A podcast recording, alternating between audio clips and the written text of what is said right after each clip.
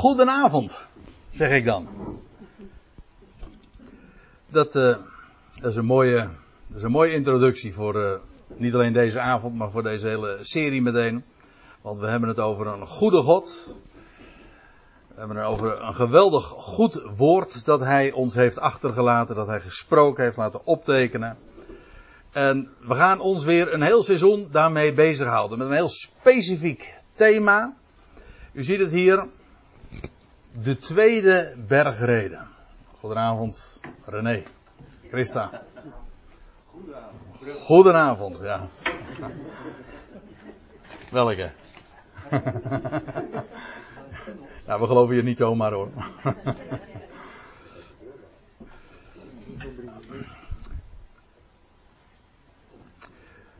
De tweede bergreden heeft deze, hebben, uh, deze serie avonden als, uh, als overkoepelend thema. Uh, we houden ons dan bezig met Matthäus 24, dat is een tamelijk lang hoofdstuk, en ook met Matthäus 25. En eerlijk gezegd heb ik geen idee hoe ver we daarin zullen komen. Uh, we zullen dat wel zien. Het is een wat andere type Bijbelstudie dan wat we vorig seizoen hebben beleefd, want dat was een thematisch onderwerp. En dat betekent dat we door heel de schrift gingen. We hadden het over, het thema was reken maar. En toen ging het over de Bijbelse chronologie. En dat betekent dus dat je allerlei teksten die met dat onderwerp verband houden, opzoekt. En dat betekent dat je kriskras min of meer door de Bijbel heen gaat. Soms zijn er ook wel avonden geweest dat we ons heel specifiek met een Bijbelhoofdstuk of een bepaalde passage, denk bijvoorbeeld aan Daniel 9, hebben bezig gehouden. Maar doorgaans was het toch de bespreking van allerlei versen uit de Bijbel die verband houden met dit ene specifieke thema, namelijk de chronologie. En wat we toen gezien hebben, is dat de hele geschiedenis tot dusver is. Goedenavond, Remco. Die akelige bruggen ook, hè? Maakt niet uit, we gaan gewoon uh, verder weer. Drie keer, uh, wat we hebben gezien, is dat er sprake is van drie keer 2000 jaar en dat dat zelfs uh, zo nauwkeurig blijkt te zijn. We hebben ons met name bezig gehouden met dat tweede segment in de tijd, dat wil zeggen die tijd van Abraham tot Christus. Vier keer 500 jaar, vier keer 70 jaarweken. Een hele bijzondere constructie en wat ons daarbij weer opgevallen is, elke avond weer opnieuw, is hoe geweldig dat design is, ook in de tijdsordening die God aanbrengt en hoe hij de dingen inderdaad plaatst. En daarmee zijn titel als God ook werkelijk eer aan doet. Want dat is toch wat uh, het betekent dat hij God is. Hij plaatst alle dingen. Drie keer twee dagen, want dat was eigenlijk de wijze waarop de Heer dan zelf rekent. Zes keer, zes keer duizend jaar of drie keer tweeduizend jaar, dat is in wezen voor hem zes keer een dag. En wat er dan nog gaat volgen is dat grote, dat Messiaanse rijk, die grote Sabbat voor Israël en voor deze hele, voor deze hele wereld. Waarbij hij zijn koninkrijk zal gaan vestigen in Jeruzalem. En die stad zal vanaf dan ook werkelijk haar naam eer, ook haar naam eer aan gaan doen. Want dan zal het een vesting van vrede zijn. Shalom. En nou ja, we hebben ons daar een heel seizoen zo uh, mee bezig gehouden. En dat, is een, uh, dat bleek een, een fascinerend thema te zijn. Het thema van dit seizoen sluit daar wel heel sterk op aan. Weliswaar gaan we het nu niet specifiek over de chronologie hebben, maar het was eigenlijk al de voorgaande Bijbelavond, dus de afsluiting dus van het vorige seizoen. Toen hebben we ons bezig gehouden met die tijd, tijden, een halve tijd, die 3,5 jaar of 1260 dagen of 42 maanden, die voorafgaan aan dat Messiaanse Rijk. Ik zeg het niet helemaal correct nu, of helemaal precies. Maar in ieder geval, dat was het onderwerp toen. En ja, wat lag er toen uh, nogal voor de hand? Het, was, het kwam er een beetje bekaaid allemaal vanaf. Dat wil zeggen, wat, juist omdat de Bijbel zoveel zegt over die transitie van de huidige aion naar de toekomende. En hoe God de, het ene gaat afsluiten om, het andere, om plaats te gaan maken voor dat nieuwe tijdperk. Die, die Sabbat dus. Die grote wereldsabbat. Ja, toen eh, lag de vraag erg voor de hand van, ja, waarom zouden we ons niet met, uh, met dat onderwerp in het, in het navolgende seizoen, dit seizoen dus, uh, gaan bezighouden? En ik heb me toen alleen afgevraagd van, ja, hoe, hoe zullen we dat uh, doen en aan de hand van welk bijbelgedeelte? En ik kwam eigenlijk al heel gauw uit op, op deze keuze van een bespreking van Matthäus 24 en 25. Jezus reden op de Olijfberg, want dat is waar Matthäus 24 over gaat. Zijn reden op de Olijfberg over het einde van deze aion. Zo wordt dat ook genoemd. We zullen dat uh, later vanavond ook wel zien. En ik heb het als titel meegegeven, de tweede bergreden. In het Nederlands is dat trouwens niet zo'n hele bekende opschrift boven dat hoofdstuk. Maar in de Anglo-Saxische wereld is het wel een hele dat is een, een, bekende aanduiding van Matthäus 24. In mijn Bijbeltje staat erboven de reden over de laatste dingen. En ik vind eigenlijk die, die Anglo-Saxische aanduiding, de second sermon of the mount, zo noemen ze dat. Uh, on the mount, ja, zo zal het zijn. Die vond ik wel uh, trefzeker omdat als wij het over de bergreden hebben in het Nederlands taalgebied, dan gaan we, hebben we het standaard over die hoofdstukken, die we trouwens ook in Matthäus aantreffen, namelijk Matthäus 5, 6 en 7. Dat heet de bergreden. Eigenlijk moet je, als je het een beetje ondeugend dan uh, daarop doorvraagt, zou je dan altijd moeten vragen, welke bedoel je eigenlijk? Want er zijn twee grote bergredes. Dat gedeelte, Matthäus 5 tot en met 7, is ook een heel uitdrukkelijk een bergreden. En, en zo is die dus ook in de, ja, in onze Nederlandse taal terechtgekomen. Tot in de politiek aan toe, want ik, eh, ik weet niet of u zich dat nog herinnert. Maar je had destijds een, eh, een, een bekende reden, werd toen ooit afgestoken voor het CDA, door, uh, of voor de AR, door meneer Aantjes. Inmiddels ook overleden trouwens. Maar Willem Aantjes heeft toen ook zijn bergreden gehouden. En dat was een politiek programma, eigenlijk gebaseerd op Matthäus 5 tot en met 7. Tenminste, dat was zijn insteek. Want volgens mij heeft Matthäus 5 tot en met 7 helemaal niks met politiek en politieke programma's te maken. Maar daar zullen we het verder helemaal niet over hebben. In Matthäus 5, want dat wil ik dan even laten zien waarom dat dan een bergreden heet. Dat is nogal duidelijk, want dan staat er in vers 1 van dat hoofdstuk. Toen hij, daar gaat het over Jezus, nu de scharen zag, ging hij de berg op. Ik moet er trouwens bij zeggen, dat was hier niet de Olijfberg, want dat was in het noorden van Israël, bij, de, bij het meer van Genezeret. Maar in elk geval, hij ging de berg op en nadat hij zich had neergezet, kwamen zijn discipelen tot hem. En hij opende zijn mond en hij leerde, zeggende, en dan krijg je de beroemde zaligsprekingen, maar ook daarvan geldt precies wat eh, al eerder door Wolter werd aangegeven. Wij zeggen dan zalig, of in de vertalingen, maar eigenlijk staat er gewoon het woord gelukkig. En dat vind ik nog uh, veel, veelzeggender. Gelukkig de armen van geest, want hunner is het koninkrijk der hemelen. Het koninkrijk. En dat is een ja, het grote onderwerp eigenlijk ook in het hele Matthäus-evangelie. Men zegt ook wel, het Matthäus-evangelie, dat is het, eh, het evangelie van de grote koning. Elk evangelist, Marcus, Lucas, Johannes, heeft zo zijn eigen insteek. Het is maar niet vier keer hetzelfde. Het is, er is weliswaar heel veel overlap in de evangeliebeschrijvingen. Maar niet, neemt niet eh, weg dat Matthäus een totaal andere insteek heeft, ook een andere beschrijving geeft, vanuit een ander oogpunt. En dat heeft zelfs al nog weer te maken met de personages die deze boeken hebben opgetekend. Matthäus was een, een, een ontrouwe uh, Israëliet, een tollenaar, geroepen door, uh, door Jezus Christus. Maar juist, juist deze tollenaar, juist die het volk van Israël ontrouw was, die gaat het koninkrijk en vooral de koning van het koninkrijk beschrijven.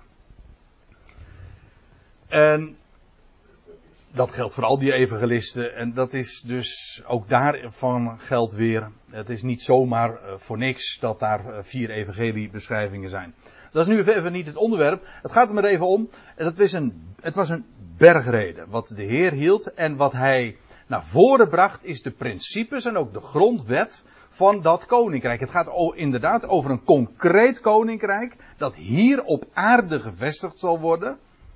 In Jeruzalem. Trouwens, ik moet ineens aan denken dat in Matthäus 5, ik weet niet welk vers, maar ergens halverwege in het hoofdstuk, dan lees je ook dat, uh, dat deze zegt van uh, zweer niet, in, in, het geheel niet te zweren en niet bij Jeruzalem, want zegt hij, dat is de stad van de grote koning. Dus als hij het heeft over dat koninkrijk der hemelen, dan is dat niet een koninkrijk in de hemel, maar het is een koninkrijk dat zich vanuit de hemel zal vestigen op aarde. Uh, ik meen dat allerlei uh, katholieke, uh, ja, met name katholieke vertalingen, de, hoe heet die, de Willebrood vertaling, die, die vertaalt dan altijd het, het, het hemelrijk. Maar het is niet, of het koninkrijk in de hemelen, maar het is niet het koninkrijk in de hemelen, het is het koninkrijk van de hemelen. En het gaat wel degelijk over een heel aards koninkrijk. En in die zin begrijp ik dan ook wel weer het misverstand van meneer Aantjes, dat hij het dus weer koppelde aan een politiek programma. Want ja, het gaat inderdaad over een concreet koninkrijk. Alleen dat wordt niet gevestigd uh, met medewerking van, uh, onze, van ons christenen. Helemaal niet. Hij doet het alleen. Het gaat dus over een koninkrijk. Waarbij een berg uh, ook een heel veelzeggend embleem is. Want een berg, ja, wat is een berg? Dat is een verhoging. Hè? En dat is feitelijk een type. Het staat symbool voor. Ja, een koning, een koninkrijk. Je leest in openbaring 17. Je moet het maar eens nalezen. Dan gaat het over die, die hoer en over een berg. Eh, over bergen. Dan lees je over zeven bergen. Nee, en dan gaat het niet over dat plaatsje ergens in Nederland. Dat, uh, bestaan, dat kan ook nog natuurlijk. Je hebt ook nog drie bergen, vier bergen. Hoeveel heb je er nog meer? Zeven bergen. Hè? Zeven oh ja, Zevenbergen. Ja, dit, hier gaat het dus over Zevenbergen, ja. Zevenbergen. En, en er er, uh, zegt Johannes er erbij, uh, dat zijn zeven koningen. Want een berg staat symbool voor en is een type van een koning. En daarmee ook van koningschap en daarmee dus ook weer van een koninkrijk. En eigenlijk moet je dan vooral zeggen het koninkrijk. Want er zijn natuurlijk koninkrijken. Er zijn uh, koninkrijken in menigte, en ik citeer nu op een hele vrije manier Paulus in 1 Korinthe 8. Er zijn koninkrijken in menigte, maar voor ons nogthans is er maar één koninkrijk. Hm? Namelijk het koninkrijk, het koninkrijk van de zoon van David. En uh, ik refereer hier even aan Daniel 2, maar uh, dat is die, dat hoofdstuk waar gesproken wordt over, over dat statenbeeld, waar vier koninkrijken beschreven van Babel, van Medo-Perzië, van de Grieken. En dan tenslotte dat laatste koninkrijk. En dat wordt dan verpulverd, dat beeld wordt verpulverd. En waardoor door een steen, een steen die van een berg, vanuit de hoogte, rolde. En dat beeld trof bij de voeten. En dat hele, dat hele beeld, al die koninkrijken van de wereld, verdelgd of verbrijzeld, hoe staat het er precies? In ieder geval, het maakt, moet plaatsmaken voor het ene grote koninkrijk dat dan ook definitief is. Ook daar weer die, speelt die berg een grote hoofdrol. En dan is het inderdaad uh, die ene berg de, waar uh, dat als embleem dient van het koninkrijk. Dus het is niet voor niks dat als de Heer gaat spreken over het koninkrijk en daar onderwijs over gaat geven, bijvoorbeeld in Matthäus 5, 6 en 7 en over, over de principes en de geestelijke inhoud van dat, van dat koninkrijk, dat hij dat doet op een berg. Dat is op zich al, dus alleen al het uitkiezen van die locatie en dat hij daar op die berg gaat zitten, hey, die stem herken ik. Dat hij op een berg dat onderwijs geeft, ja, dat is eigenlijk al een, meteen een aanwijzing voor. Het gaat over het koninkrijk. Dat zijn, eh, daar, zie je trouwens in dat, als ik eventjes dat uitstapje mag maken, uh, dat zie je zo dikwijls in het uh, Matthäus-evangelie. Als je ergens daartussenin, in Matthäus 13, krijg je, dan gaat de Heer Jezus gelijkenissen uitspreken, ook over het koninkrijk. En dan lees je dat hij, hij um, verliet het huis, staat er dan. Dat staat er meteen in het eerste vers van Matthäus 13. Hij verliet het huis en hij ging zitten bij, uh, aan zee. En dan stapt hij, dan, gaat hij, dan steekt hij van wal. Ja, ik bedoel, hij, steekt, hij gaat van wal steken, ja. En vanuit het schip spreekt hij, dus vanuit de wateren, spreekt hij tot degenen die daar op de oever zijn. En, en los van wat hij, wat hij dan zegt, dus de inhoud, is de hele wijze wat daar dan gebeurt. Hij verlaat het huis en hij gaat vanaf de wateren de mensen aan de oever aanspreken. Alleen dat al, de wijze waarop hij dat doet, staat is een uitdrukking van de inhoud ook. Dus ja, ik vind dat, dat geweldig. Wij, hebben dat soort, uh, ja, wij zijn dat soort typologie. Ik vind het haast, het is haast artistiek. Je geeft uitdrukking op een, uh, door een bepaalde locatie uit te kiezen, door op een bepaalde wijze te gaan zitten en, en uh, of met recht van wal te steken en vanaf het water, een beeld van de volkeren, vanaf de volkeren dan uh, de mensen op het land toe te spreken. Ja, uh, wat, wat, wat, wat duidt dat, waar duidt dat op? heel, heel simpel, dat vandaag het koninkrijk verborgen is en dat God vandaag zijn volk, het land, aanspreekt vanuit de wateren, vanuit de volkerenwereld. Dat is pure typologie. En ja, dat onderstreept precies ook de inhoud. Ik vind dat prachtig. Dus ja, alleen al het feit dat het dus een, een bergreden is, is maar niet zo van, ja goh, je moet toch ergens wat uh, je verhaal houden. Hè? En dan kunnen ze je goed zien. Ja, natuurlijk. Maar ik vind dat wel, uh, ik vind dat uh, voor een berg heel oppervlakkig benaderd. Hè? Als je het zo uitlegt. Dus dat wat die berg betreft.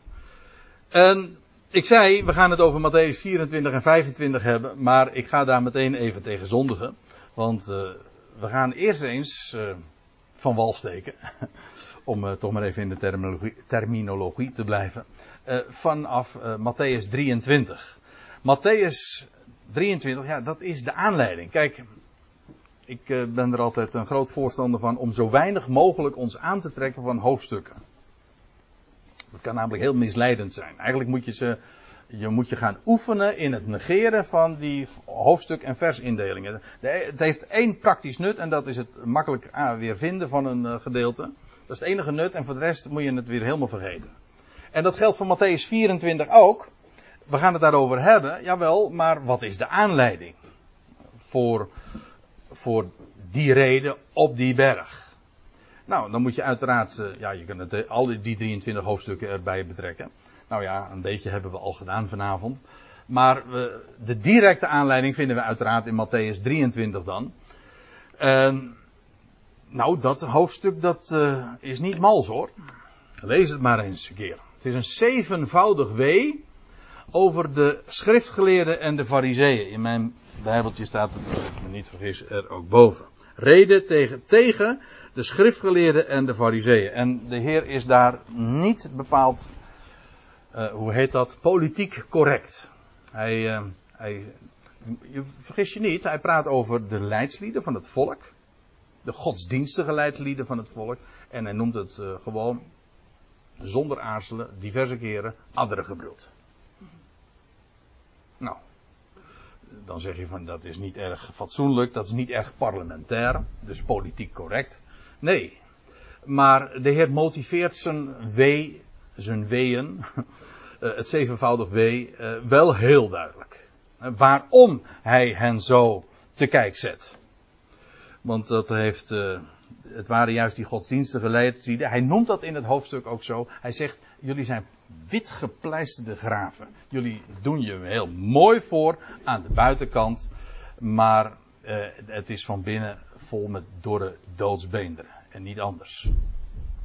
En jullie zijn, hij, hij zegt dat ook uh, van, de, van de leidslieden, de orthodoxie, hè, vergis je niet.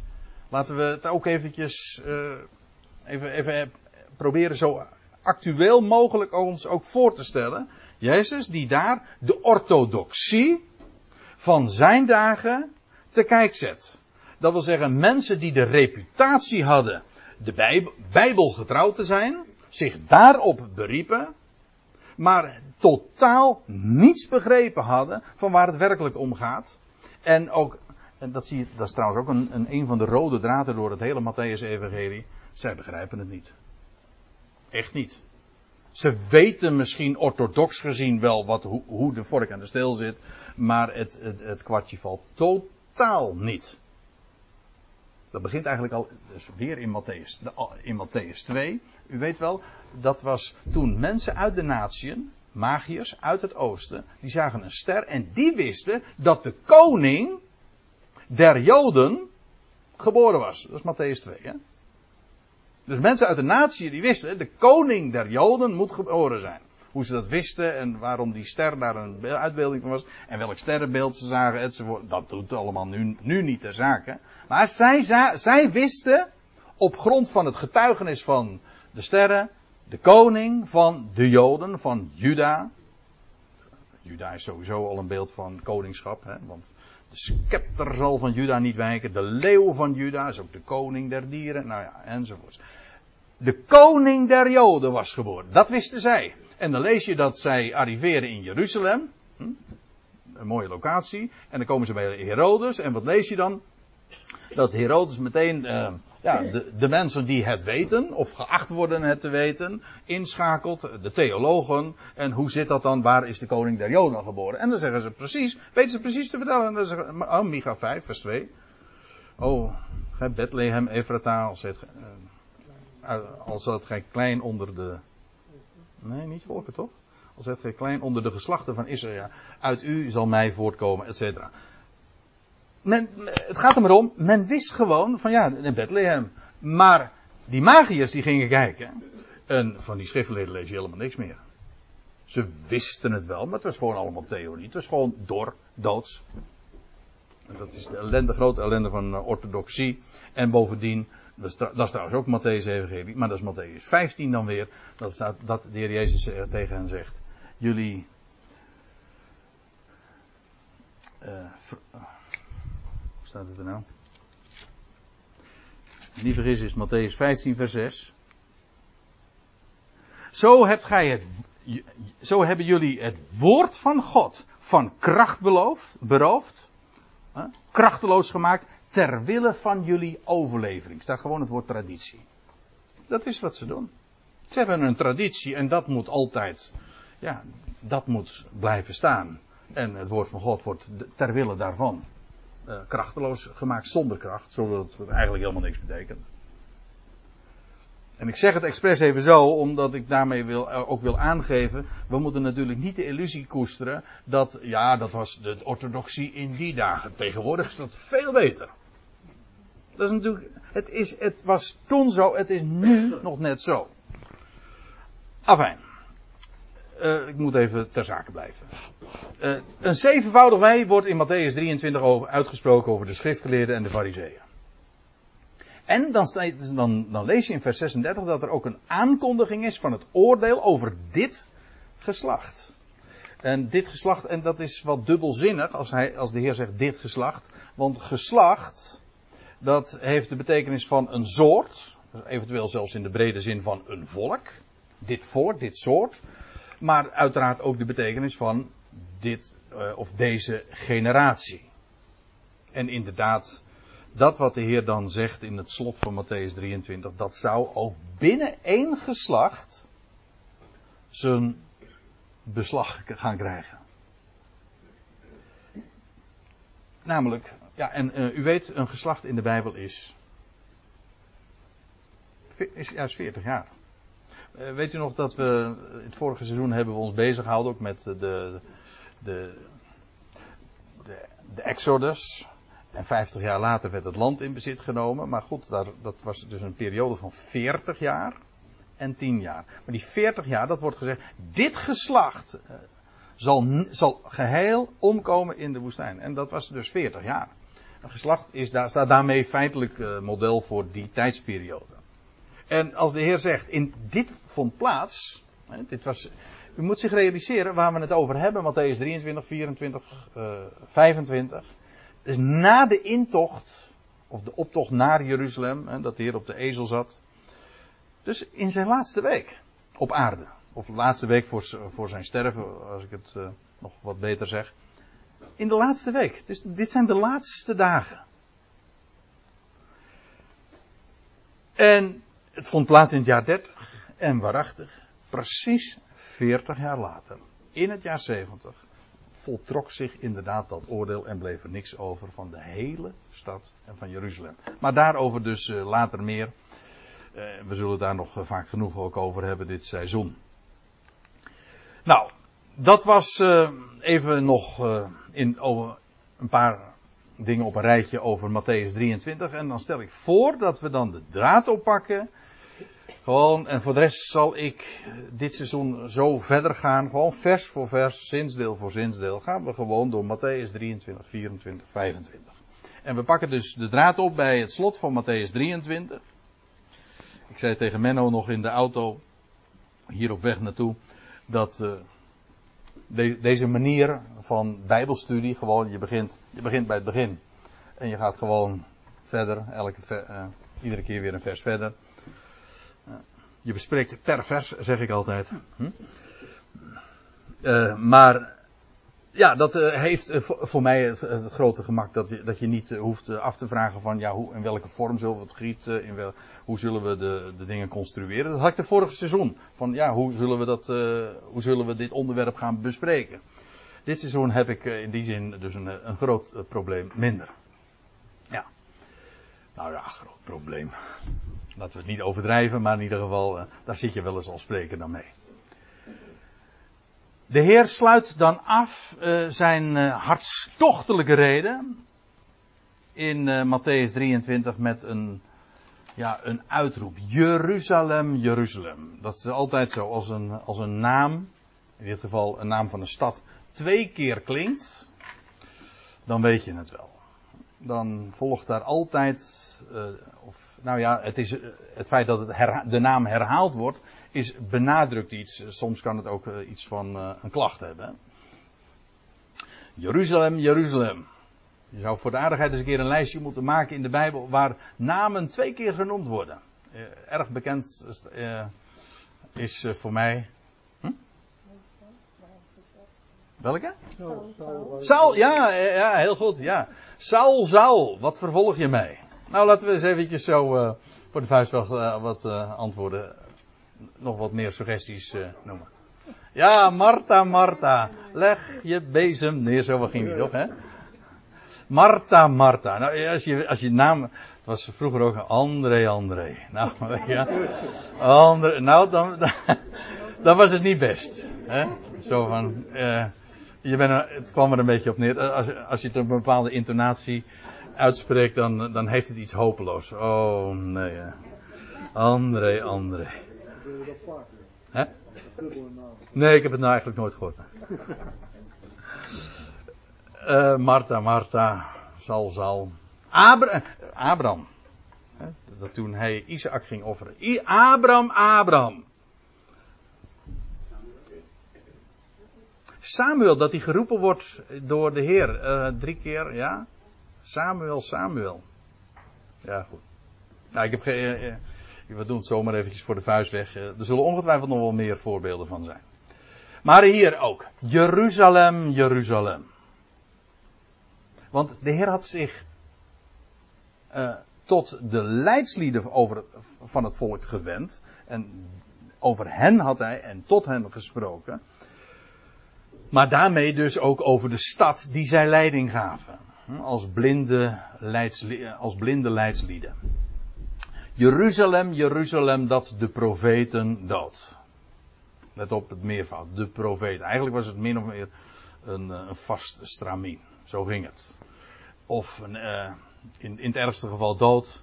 Maar daar zijn vele voorbeelden van. En staat er, en stenigt, en stenen werpt naar, naar wie naar haar toe is afgevaardigd. Overigens, ik zeg dat er eventjes uh, nog bij. De vertaling die u hier ziet is niet die van de NBG, ook niet van de Statenvertaling. Het is een vertaling uh, die zo nauw mogelijk aansluit bij de interlineair die u hieronder ziet zodat ik niet iedere keer hoef te zeggen, ja, eigenlijk staat er dit, want dat vind ik soms ook iets vermoeiends worden. waarom niet meteen gewoon correct? Hè? Het is dan soms wat uh, erg letterlijk en misschien wat stijfjes, maar goed, om zo dicht mogelijk bij, die, bij de bron te blijven en te komen. Dat vind ik, uh, daar gaat het maar om. Je wil eigenlijk luisteren naar wat de Heer toen ooit gezegd heeft. En de barrières die er zijn van 2000 jaar en van de taalkloven. Wij spreken Nederlands en hij sprak in het Aramees. Jawel. Maar dan, en het is vervolgens weergegeven in het Grieks. Trouwens nu zeg is misschien. Eh, ik weet dat Menno het hier niet mee eens was wat ik nu zei. Want Menno geloofde ook dat dit in het Grieks is uitgesproken, nietwaar? Overigens, is weer even een zijpaadje uh, laat ik dat meteen eventjes zeggen. Over twee weken en één dag, voor 15 dagen dus, dan zit ik daar, waar Menno nu zit, en dan zit Menno hier. Want Menno gaat een uh, tien avonden hier op deze plaats geven over het Bijbels Grieks en u introduceren in, in de geheimen. En hoe gaat het heten? Ja. hij, heeft, hij, hij, kwam vanmiddag met, uh, of vanavond met de, de titel. Ja, ik kan het zelf zeggen, maar doe, doe het zelf, Menno. Ja. onbekend land. Terra incognita. Eh, incognito, zo was die, hè? Ja. Onbekend land. En, uh, en Menno zal voor een ieder volstrekt begrijpelijke wijze, dat, dat is de garantie die ik dan alvast geef, over zijn studie, uh, op een voor, voor iedereen begrijpelijke wijze u meenemen in de geheim van het Grieks, zodat we daar in tien avonden echt wegwijzen in worden gemaakt. Ik zie er erg naar uit. Ik vind dat een, eh, een geweldige manier om ook, uh, ja, u ziet hier die interlinie. Maar hoe, hoe is dat eigenlijk opgebouwd? Hoe zit dat in elkaar? En wat verschilt het Grieks van het Nederlands? Al dat soort dingen. U, hij gaat u daar uh, heel veel over vertellen. En daar worden we echt wijzer van. Dat weet ik nu al. Goed. Um, dat eventjes dus uh, terzijde, maar wel even onderstreept. Uh, Jeruzalem, Jeruzalem, zegt de Heer, dat de profeten dood en stenigt wie naar u toe is, wie naar haar toe is afgevaardigd.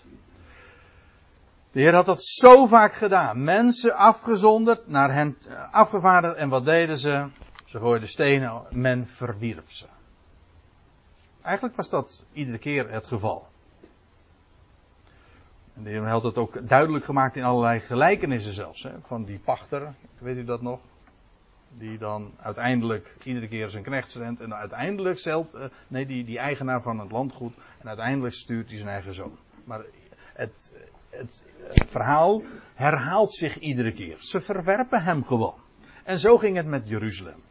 Ze doodden de profeten, ze stenigden naar wie, uh, naar wie haar wie naar haar toe is afgevaardigd. Dat moet uh, nog wat vloeiender kunnen. Hoe vaak wil ik de kinderen van jou bijeen vergaderen? Dat klinkt wat vreemd, maar dit wil ik, dat staat in een tijdloze vorm. De, daar gaat men ongetwijfeld ook nog wat eh, over vertellen, over de aorist. Dat is een werkwoordsvorm dat eh, een werkwoord uh, tijdloos neerzet. In het Nederlands kennen we dat niet, maar in het Grieks wel. Althans niet zo op deze manier. Hoe vaak wil ik de kinderen van jou bijeen vergaderen? Dat wil zeggen, de Heer, hij spreekt ook namens God zelf eigenlijk. Het is de klacht van de Heer zelf. Ik heb zo dikwijls mijn profeten en anderen naar jullie afgevaardigd en jullie wilden niet. Dat is, ik wil jullie, de kinderen van, jullie van jou vergaderen.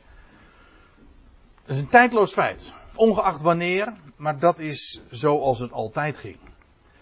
En prachtig zoals de Heer dat dan ook vergelijkt, zoals een hen haar kuikentjes bijeen vergadert, onder de vleugels.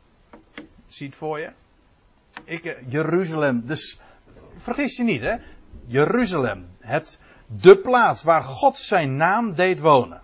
De plaats waar de tempel gebouwd was. De plaats waar het koninkrijk van David gevestigd was. Waar de troon van David zetelt. En ook zal zetelen. Die stad.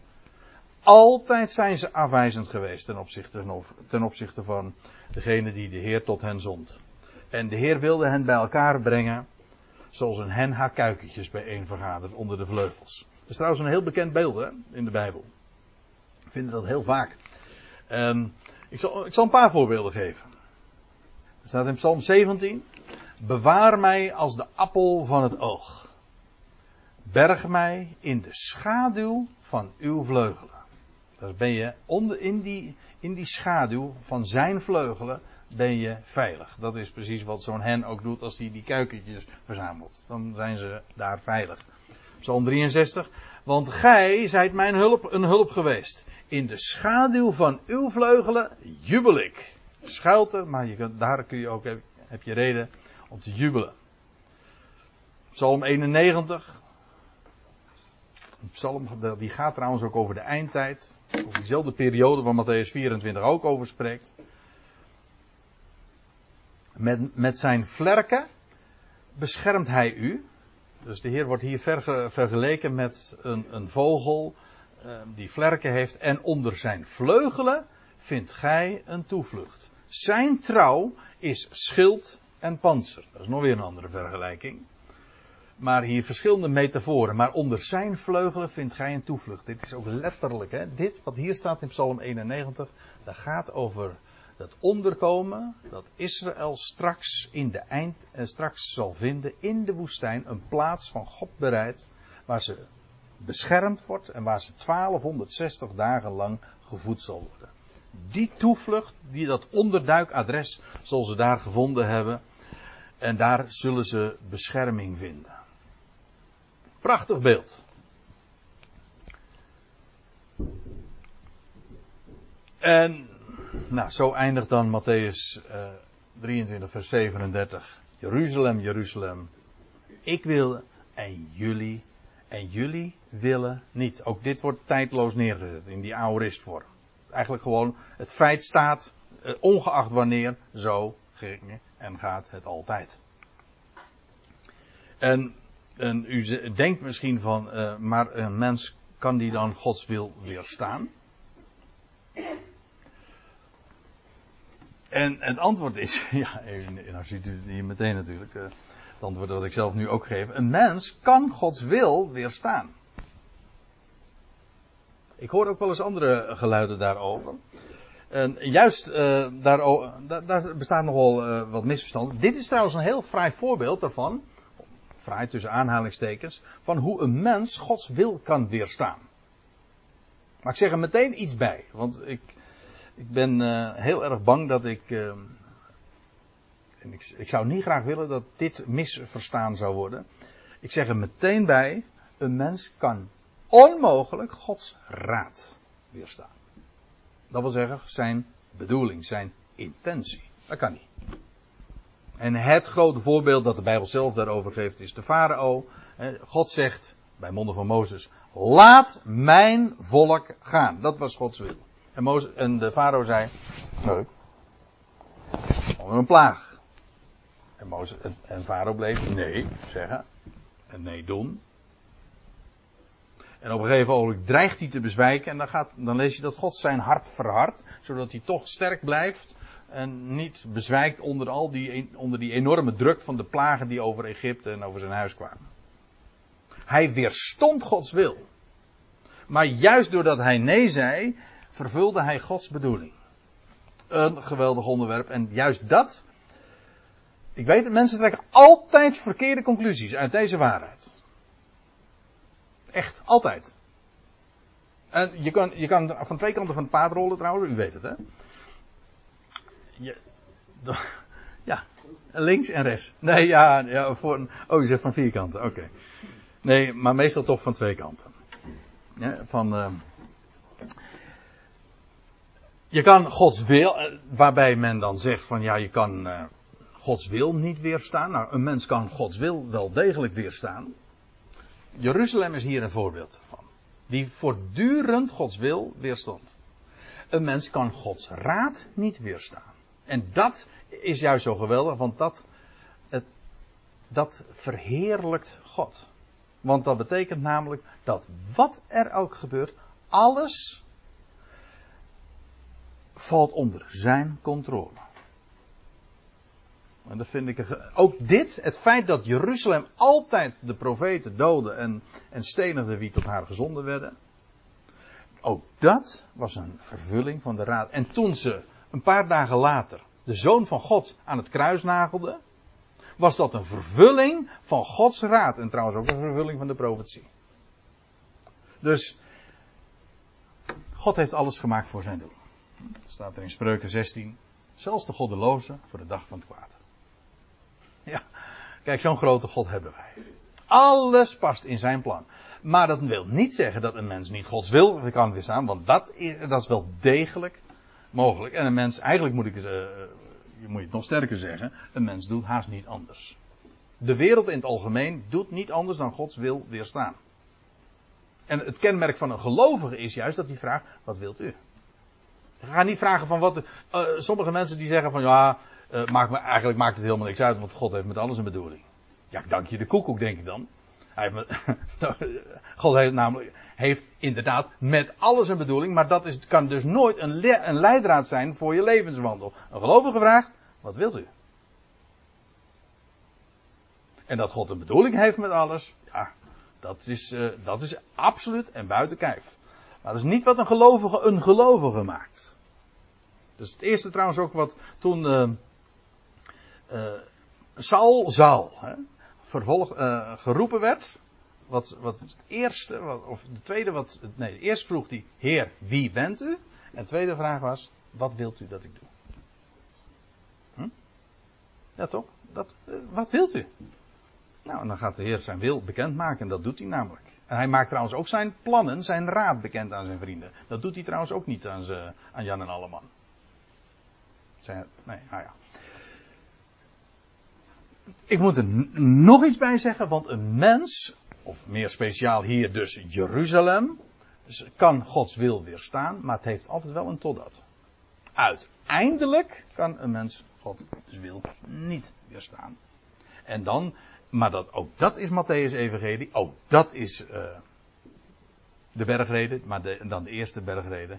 Uw wil geschieden. In de hemelen. Zoals ook. Nee, in op de aarde. Zoals ook in de hemelen. Zo was hij toch? Nee, in de hemel zoals ook op de aarde. Alzo ook op de. Ik wou zeggen, want het begint in de hemel natuurlijk. Hè? Ja, Gods wil begint eerst in de hemel en dan vanuit de hemel gaat hij het uitbreiden en zal het ook uh, geschieden op de aarde. Dat geldt ook voor Jeruzalem.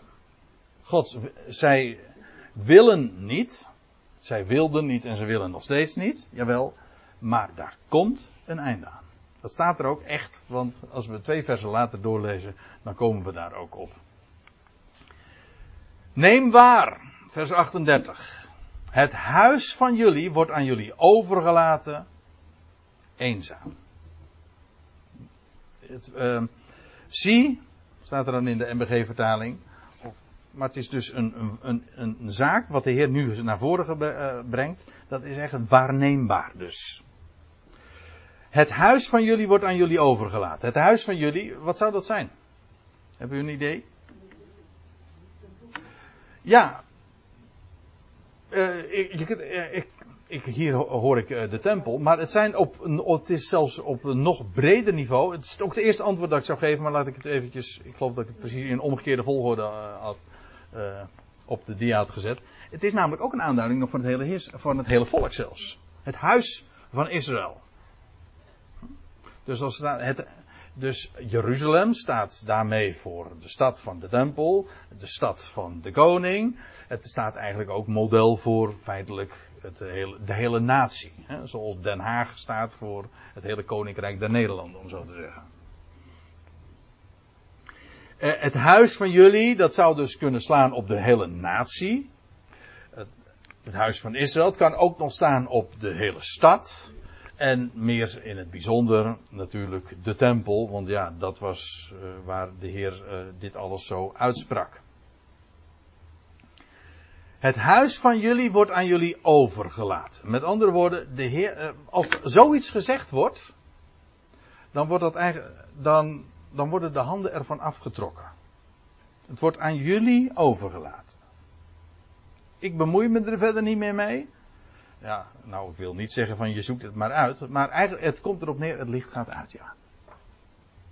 Het wordt nu aan jullie overgelaten met alle consequenties van dien. En dat zou inderdaad in die generatie zich nog gaan, uh, dat gericht zou voltrokken worden. De Heer verlaat de stad eigenlijk. Er staat ook uh, bij eenzaam.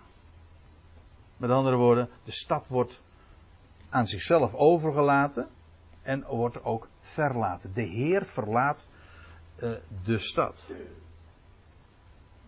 En we, dat zullen we straks trouwens ook zien in Matthäus 24, het eerste vers. Uh, ja, het eerste vers van Matthäus 24 wordt dat zo gezegd.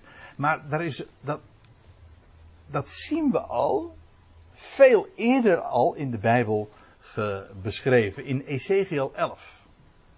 En moet eens lezen wat er staat. In Ezekiel 11, dan lees je in vers 23. De context laat ik even voor wat het is. Maar er staat er de heerlijkheid van Yahweh. Dat, kent u het woord de Shechina? Dat was die, de wolk. De, heel vaak in de Bijbel lees je over de heerlijkheid des Heren. Dat heet dan in het Hebreeuws de Shechina. Dat is de pla, dat is ja, zijn, zijn heerlijkheid. En die woonde in de, in de, die wolkkolom. En je leest bijvoorbeeld die, die wolkkolom die ging het volk voor in de woestijn. Maar toen je leest ook bijvoorbeeld dat die wolkkolom, de heerlijkheid van God, uh, maakte bezit van de tabernakel. Later ook bij de inwijding van de tempel van Salomo lees je ook dat de heerlijkheid des Heren vervulde het ganse huis. Dat was die Shechina. Wel, die heerlijkheid verlaat de stad, ging uit het midden van de stad en dan staat erbij en plaatste zich op de berg die ten oosten van de stad ligt. En dat is Tada! De Olijfberg. Ja. Dus als de Heer de stad verlaat, waar komt hij dan terecht? Of waar gaat hij dan naartoe? Naar de Olijfberg. Die Olijfberg staat feitelijk. Dat is heel diepzinnig wat ik nu zeg, in één zin. Maar feitelijk staat deze Olijfberg ook voor de tegenwoordige tijd waarin de Heer vertrokken is. Afwezig is niet op aarde zijn domicilie heeft, maar weggegaan is. Per slotverrekening, het laatste wat we van de Heer hebben vernomen is toen hij vanaf de Olijfberg het aardse toneel verliet. Daar onttrok hij zich aan onze ogen. Nou ja, dat soort uh, lijnen zie je hier allemaal. En nou ja, laten we het even hierbij houden, want ik zie inmiddels dat het vijf voor negen is. Uh, dan gaan, pakken we straks nog even de draad op bij vers 39. Dus we komen echt wel bij Matthäus 24. We moeten alleen nog even dit seizoen warm draaien, zeg maar. Oh ja. Hm? En warm is die hier wel een beetje.